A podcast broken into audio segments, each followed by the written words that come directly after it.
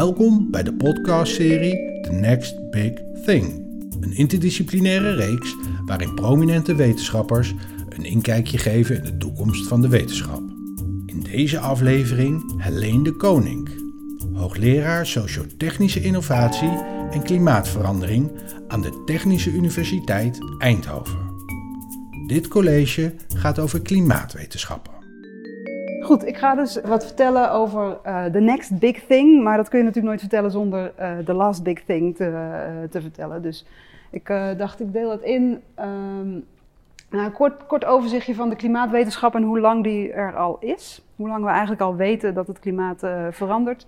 En ook een kort overzicht van de klimaatonderhandelingen, die eigenlijk parallel gaan. Hè? Dus het Parijsakkoord en dergelijke. En wat daarin gezegd wordt. Oké, een korte geschiedenis van 150 jaar klimaatonderzoek. Uh, wat natuurlijk uh, in intensiteit behoorlijk is toegenomen. De afgelopen tijd heb ik weer een paar jaartallen met, uh, met een paar kerngebeurtenissen. die, die heel belangrijk zijn geweest. In de, jaren 1850 waren er eigenlijk twee wetenschappers, Jonas Foot en John Tyndall, in Ierland en Engeland die uh, onafhankelijk van elkaar, uh, Food iets eerder, maar Tyndall heeft vooral de eer gekregen, uh, eigenlijk als resultaat kregen dat de temperatuur op de aarde mede wordt bepaald door het zonlicht dat invalt en de gassen in de atmosfeer. En Food schreef ook al op dat met name koolstofdioxide, CO2, verantwoordelijk was voor die temperatuur op aarde. Dus dat is een van haar voornaamste uh, resultaten. Dus we weten het al 150 jaar dat CO2 daar een rol in speelt.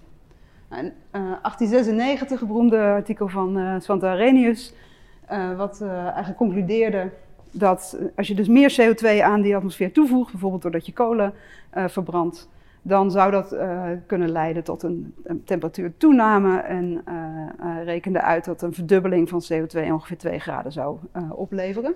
Dat klopt ook nog steeds ongeveer. Toen uh, gebeurde natuurlijk, er waren wereldoorlogen, er was wat minder aandacht voor dit soort wetenschap. Maar in uh, eh, 1958 is uh, William Keeling begonnen met het meten van de CO2-concentratie in de atmosfeer. De beroemde Keeling curve die je daar ziet. En ieder jaar wordt op Hawaii de achtergrond CO2-concentratie gemeten. Er komt een hele zuivere lucht in het noordelijk halfrond in ieder geval van de Stille Oceaan af. Er staat er op een puntje uh, op Hawaii een uh, meetstation. En die meet uh, de CO2-concentratie. Die, dat is gemiddeld over de jaren, die blauwe lijn die je daar ziet, het gaat gewoon steady omhoog. Die toename, we zitten nu op al boven de 420 parts per million, dus deeltjes per miljoen deeltjes in de atmosfeer. en we begonnen rond de 280 parts per million in, voordat de industriële revolutie begon. Dus dat gaf gewoon heel duidelijk aan dat we dat doen. En je kunt ook met isotoopmetingen uh, vaststellen wat, waar die CO2 vandaan komt. Uh, en het is gewoon duidelijk dat het met name door uh, verbranding van fossiele brandstoffen komt.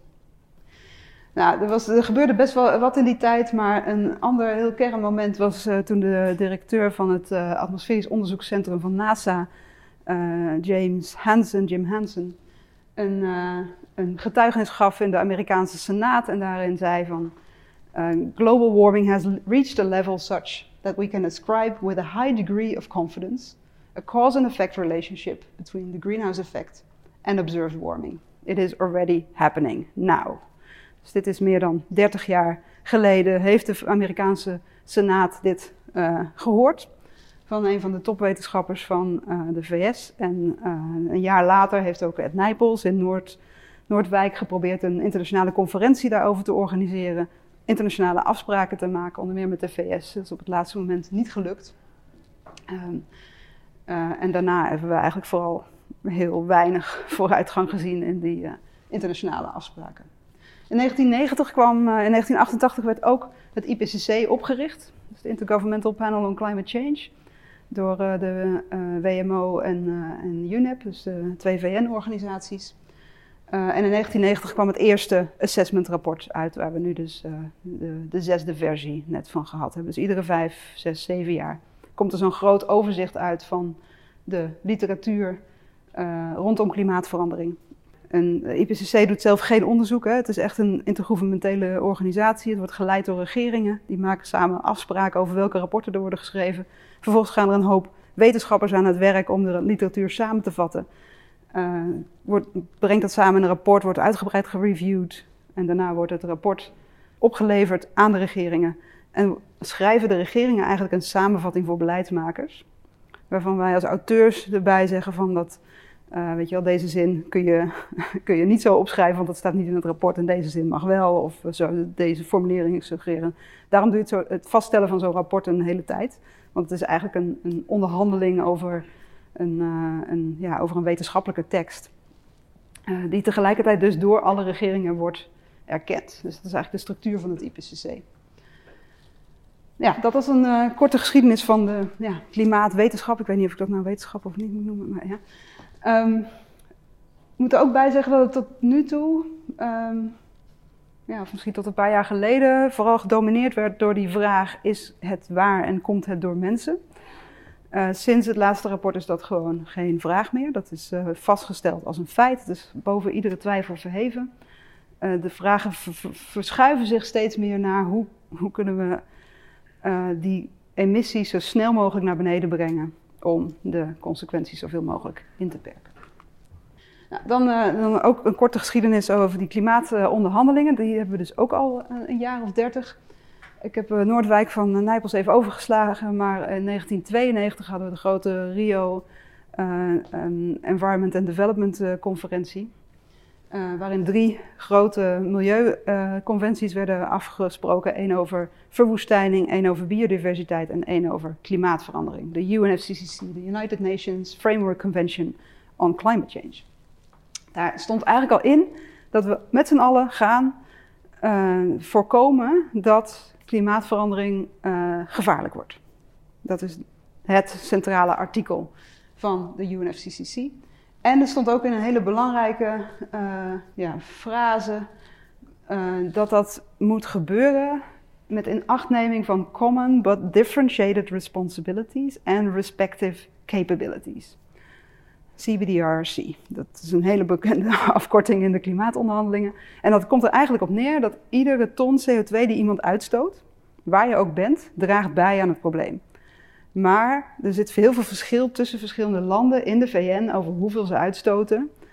Uh, en hoe nodig die uitstoot is. En ook wat ze eraan kunnen doen. Dus die capabilities is hoe ben je in staat om die uitstoot te verminderen. Heb je het geld? Heb je de kennis?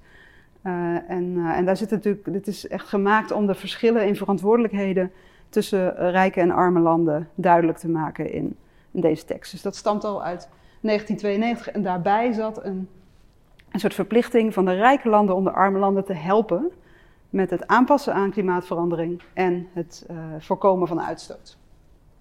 Nou, dit waren hele generieke artikelen in, die, in de UNFCCC, dus vijf jaar later volgde een veel concreter protocol, het Kyoto-protocol, waarin eigenlijk stond van nou, de rijke landen moeten hun emissies reduceren of stabiliseren. het basisjaar was 1990 en dan moest bijvoorbeeld Nederland moesten emissies met 6% reduceren in de jaren rondom 2010 uh, eh, ten opzichte van 1990. En landen konden onderling handelen in emissierechten. Dus de landen met een doelstelling konden dat onderling doen. Maar ook de arme landen, daar kon je een project doen. Dus bijvoorbeeld in uh, Marokko kon je een, uh, een windturbinepark neerzetten. Dat verving dan elektriciteit die door gascentrales bijvoorbeeld was opgewekt dan vermijd je CO2-uitstoot. Die konden ze dan verkopen aan de landen die moeite hadden om hun doelstellingen te halen. Dat heet het Clean Development Mechanism. Het heeft uh, een miljardenmarkt opgeleverd. Dus, en ongeveer de helft van die projecten bleek uiteindelijk toch wel te zijn gebeurd. ook, al, ook zonder die CO2-premie. Dat was uiteindelijk wat controversieel, maar het zette wel, wel echt wat in gang in termen van CO2-markten. Nou, het Kyoto-protocol was eigenlijk een heel groot succes zo snel al. Er was alleen één probleem. De VS deden niet mee. Want het was echt een internationaal verdrag. Wat betekent dat de Senaat in de VS met een tweederde meerderheid akkoord moet gaan. Nou, dat is nu een complete onmogelijkheid geworden, maar toen was het ook al heel moeilijk. En de VS had van tevoren gezegd: wij willen eigenlijk geen verdrag, tenzij China ook uh, doelstellingen krijgt. En China was nog echt een ontwikkelingsland in die tijd, dus kreeg geen doelstellingen. Dus de VS deden eigenlijk niet mee. Ze zijn wel akkoord gegaan in Kyoto, onder leiding van Al Gore, was toen de vicepresident. Uh, maar ze, zijn, ze hebben het uiteindelijk niet kunnen ratificeren. Dus daardoor was het Kyoto-protocol wel een beetje een moeilijk verhaal geworden, want de VS was toen de grootste uitstoter van broeikasgassen.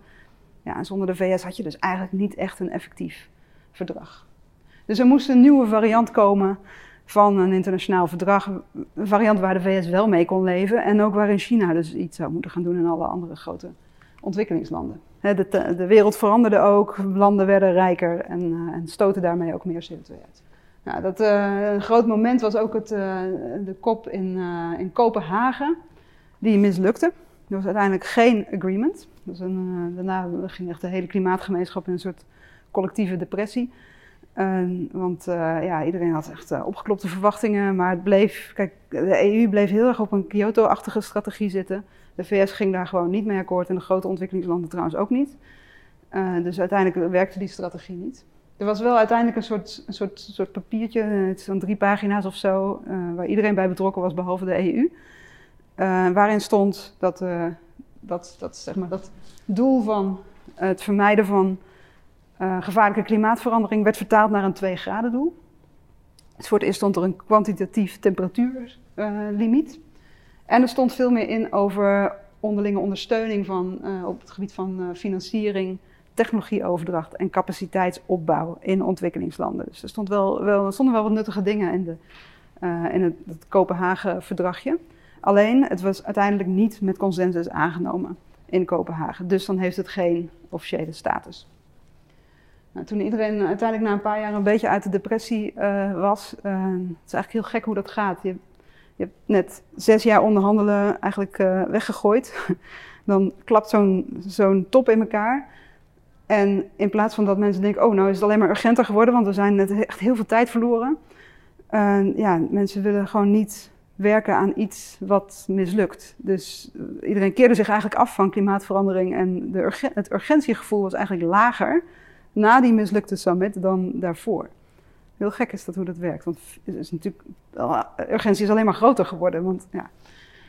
Maar goed, uiteindelijk uh, was er wel onder heel sterk voorzitterschap van Frankrijk, uitstekende diplomaten voortbrengt, was er een verdrag van Parijs.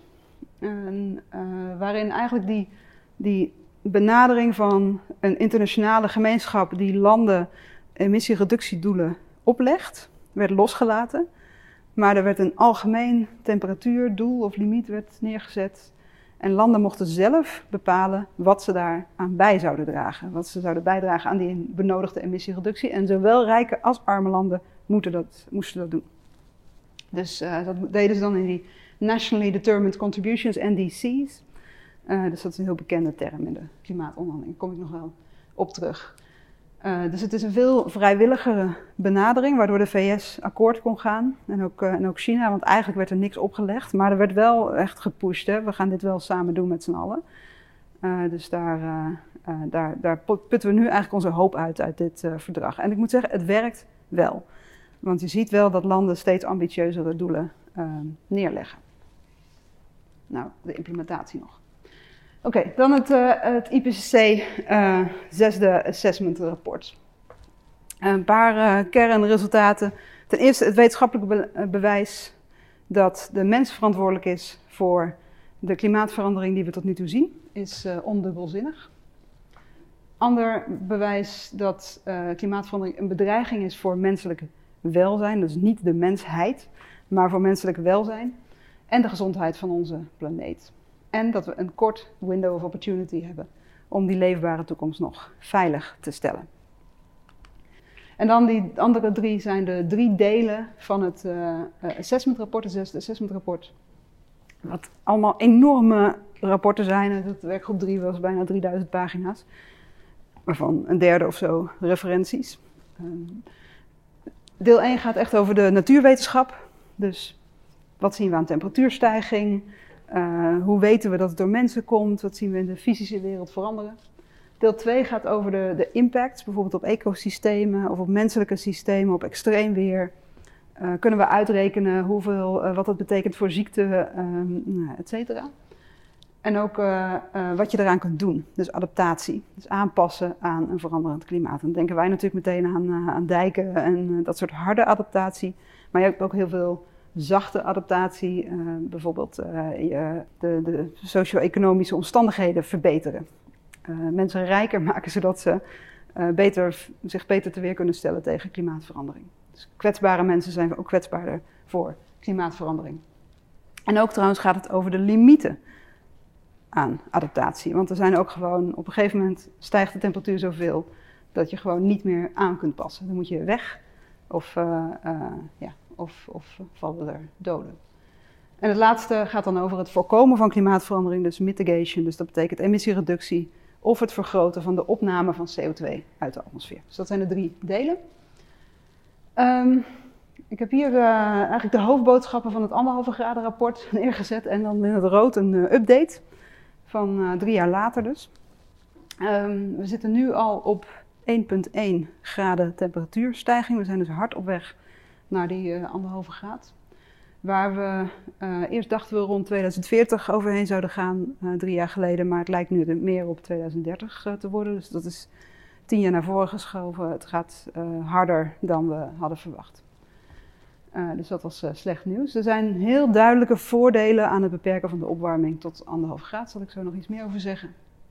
Het kan ook nog, maar dit vergt een, een, verandering die we niet eerder gezien hebben. En zeker niet met deze snelheid, overal op de wereld en in alle sectoren, zo ongeveer. En we voegen daar nu echt heel duidelijk aan toe dat dit meer vergt dan alleen maar mitigatieopties, maar het vergt echt systeemtransities. Dus we moeten echt dingen fundamenteel veranderen in hoe we uh, de wereld regelen, organiseren, wat, wat bepaalt of we dingen willen, hoe, hoe we ons gedragen. Uh, misschien ons economische systeem. Als we wachten tot de implementatie van die Nationally Determined Contributions, die NDC's, uit het Parijsakkoord is uitgevoerd, uh, dan missen we de anderhalve graad. Ze zijn niet ambitieus genoeg, dat is heel duidelijk. Uh, dan komen we uit op een opwarming van iets boven de 3 graden. Bij 2 graden opwarming verliezen we al alle koraalriffen, vrijwel allemaal. Bij anderhalve graad is nog een kwart of zo over. Dat is een heel, uh, heel heftig resultaat, vind ik altijd wel. Want er zijn natuurlijk heel veel mensen die ervan afhankelijk zijn, ecosystemen, heel veel biodiversiteit zit in dit soort systemen. Uh, als je het hebt over zeespiegelstijging, um, dat gaat heel langzaam. Met name de thermische expansie, dat warm water iets, iets meer volume heeft dan koud water. Um, en we moeten dus echt rekening houden met dat het in 2100 nog niet af is gelopen. Zelfs als we uh, nu de broeikasgassen echt naar nul terugbrengen en weten de temperatuurstijging te, te stoppen, dan zal de zeespiegel nog een tijd doorstijgen. Uh, dus op de lange termijn moeten we gewoon op meerdere meters rekenen. En dan heb je dus over 2300 of zo. Dus we zitten hier nu in Amsterdam. Bestaat sinds ongeveer het jaar 1000. Uh, eh, de vraag is of het het jaar 3000 wel haalt. Um, als, je, eh, als het ook nog eens het landijs op de polen echt uh, onomkeerbaar gaat, uh, gaat smelten, dan moeten we een rekening houden met een snellere en grotere zeespiegelstijging. En het onomkeerbaarheidspunt daar is een beetje moeilijk vast te stellen, want het, is echt, het zijn van die tipping points die, die heel moeilijk, er wordt nu heel veel onderzoek naar gedaan, maar die heel moeilijk vast te stellen zijn. Maar de, de best guess is dat dat ergens tussen anderhalf en iets boven de 2 graden zit. Dus dat wil je ook wel het liefst voorkomen. Um, en dan zijn er nog allerlei andere impacts, zoals bosbranden, sterkere orkanen. Uh, dit komt wel uit het assessment-rapport, een 20% afname al bij 2 graden van water voor landbouw in regio's die afhankelijk zijn van smeltwater. Dat zijn er uh, heel veel, bijvoorbeeld uh, in India, waar heel veel mensen van afhankelijk zijn. En als je het hebt over zeespiegelstijging en de mensen die in steden wonen, die daardoor geraakt zullen worden, dan heb je het alles bij elkaar wel over een miljard mensen. Dat wil niet zeggen dat al die mensen verdrinken of zo, maar wel dat ze uh, ja, dat, dat steden daardoor geraakt worden of ze landbouwgrond kwijtraken uh, en dergelijke. Dus ja, dit is een beetje als achtergrond van het. Er zitten wel duidelijke voordelen aan het beperken van de opwarming tot anderhalve graad. En daar, daar is de wetenschap gewoon heel robuust over.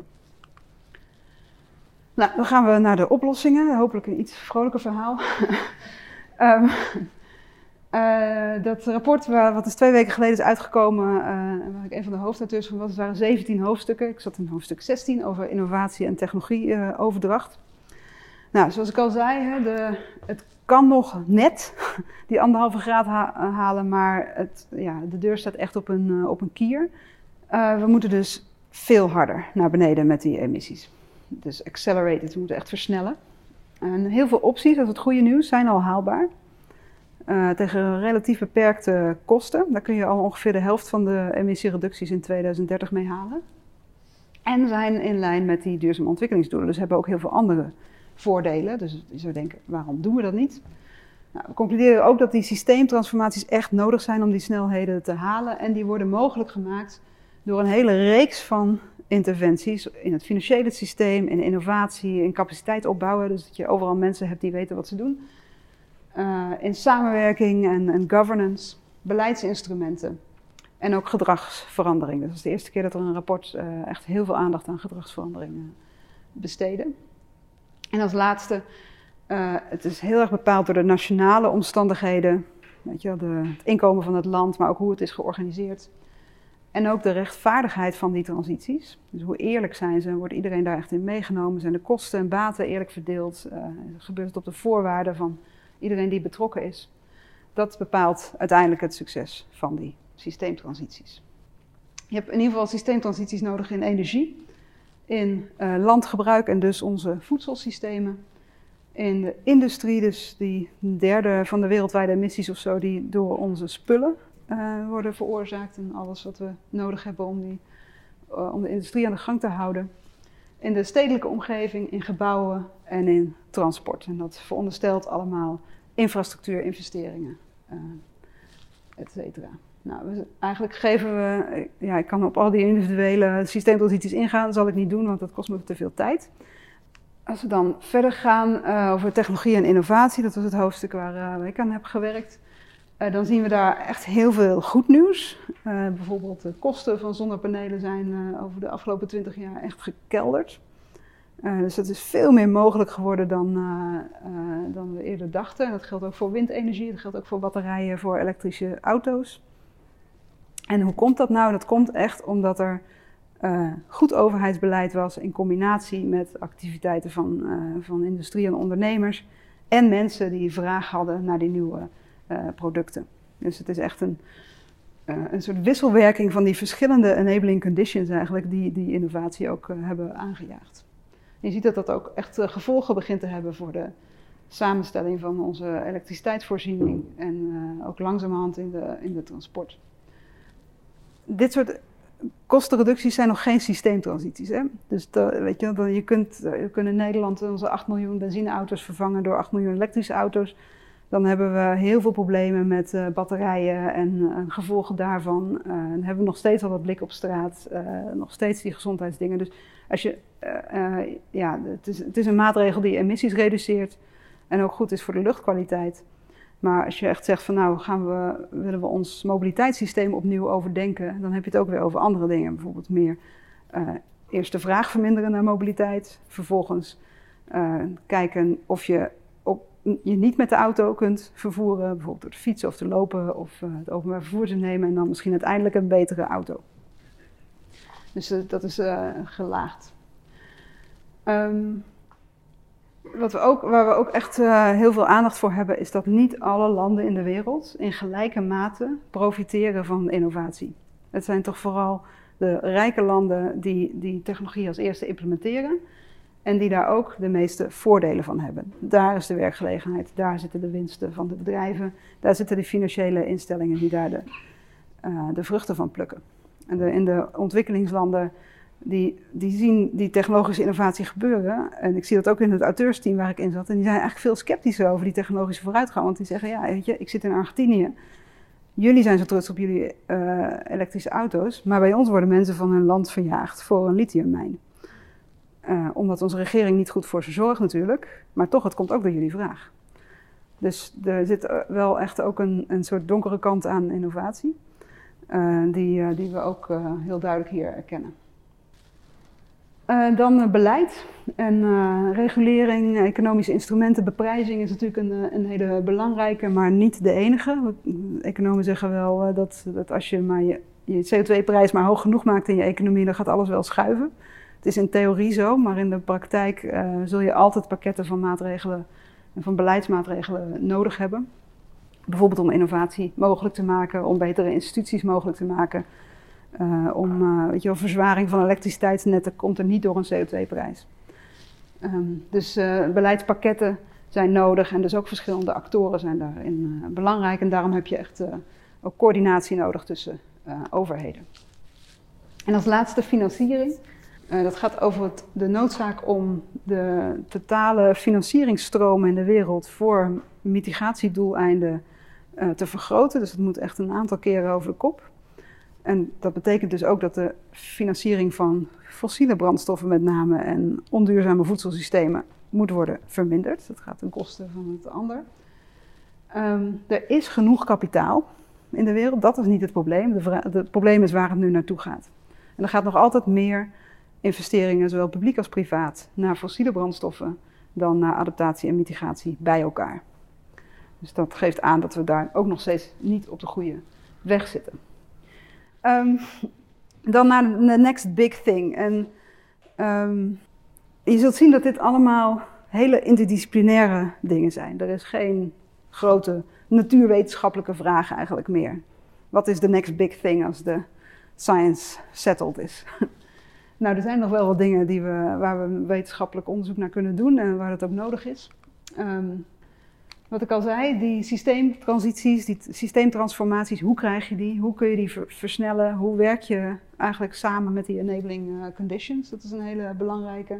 Ook hoe zorg je ervoor dat, dat, dat landen op een ontwikkelingspad komen, of ze nou rijk of arm zijn, maar vooral voor arme landen is het een grote uitdaging dat climate resilient is. Dus dat zowel mitigeert en niet leidt tot hogere emissies, als ze ook zich aan laat passen aan klimaatverandering. Want die arme landen zijn het kwetsbaarst en de bevolking daar is het kwetsbaarst voor die klimaatverandering. Internationale samenwerking is hiervoor nodig. Landen kunnen dit niet in hun eentje doen, al is het alleen al door, uh, door internationale handelsstromen, financieringstromen, die eigenlijk uh, weinig grenzen meer kennen. Hoe doe je dat in een wereld die zeker met de gebeurtenissen van de afgelopen maanden waarschijnlijk verdeelder gaat worden? Een heel interessant gebied is wat ze noemen attribution. Dus kun je individuele events van extreem weer, kun je dat toeschrijven aan klimaatverandering. Dat is heel moeilijk, want het zit vaak een beetje in de ruis. Um, maar uh, ze hebben methoden ontwikkeld om dat, uh, om dat wel te kunnen doen. Zo is, hebben ze bijvoorbeeld vastgesteld dat de overstromingen, die rampzalige overstromingen van Duitsland, in Duitsland en België afgelopen zomer, waar honderden doden bij zijn gevallen, dat er een, een, een ja, twee tot negen keer hogere kans is als gevolg van klimaatverandering dat dat heeft plaatsgevonden. Nou, dat heeft consequenties voor, en dan komen we in de rechtsgeleerdheid voor iets wat ze loss and damage noemen in de klimaatonderhandelingen. Namelijk dat kwetsbare landen, rijke landen met hoge emissies, aansprakelijk gaan stellen voor hun klimaatschade. Dat kan natuurlijk alleen maar als je die klimaatschade ook echt kan toewijzen aan klimaatverandering die veroorzaakt wordt door, door mensen. Als dat eenmaal een mogelijkheid is, en dat, dat ligt natuurlijk hypergevoelig in die klimaatonderhandelingen, maar dan, uh, dan, ja, dan heb je echt een, uh, ja, wetenschappelijke uitkomst die die hele grote gevolgen kan hebben. En als laatste uh, veel betere modellen. Zoals ik al zei, die klimaatmodellen, die emissie-temperatuurmodellen, die optimaliseren voornamelijk op kosten. Het is, we weten dat de wereld niet zo werkt. Gedrag zit er niet in, innovatie wordt vaak slecht voorspeld. de hele industriesector en de materialen en de circulaire economie zit er niet in. Uh, of, of nauwelijks, er wordt wel aan gewerkt. Maar dat, uh, ja, de beleidsmakers hebben de neiging om heel erg te vertrouwen op die modelresultaten. Uh, en op cijfers als ze eruit komen. Um, en ja, die, die moeten dus eigenlijk beter worden. Dat was het. Hartelijk dank voor uw aandacht.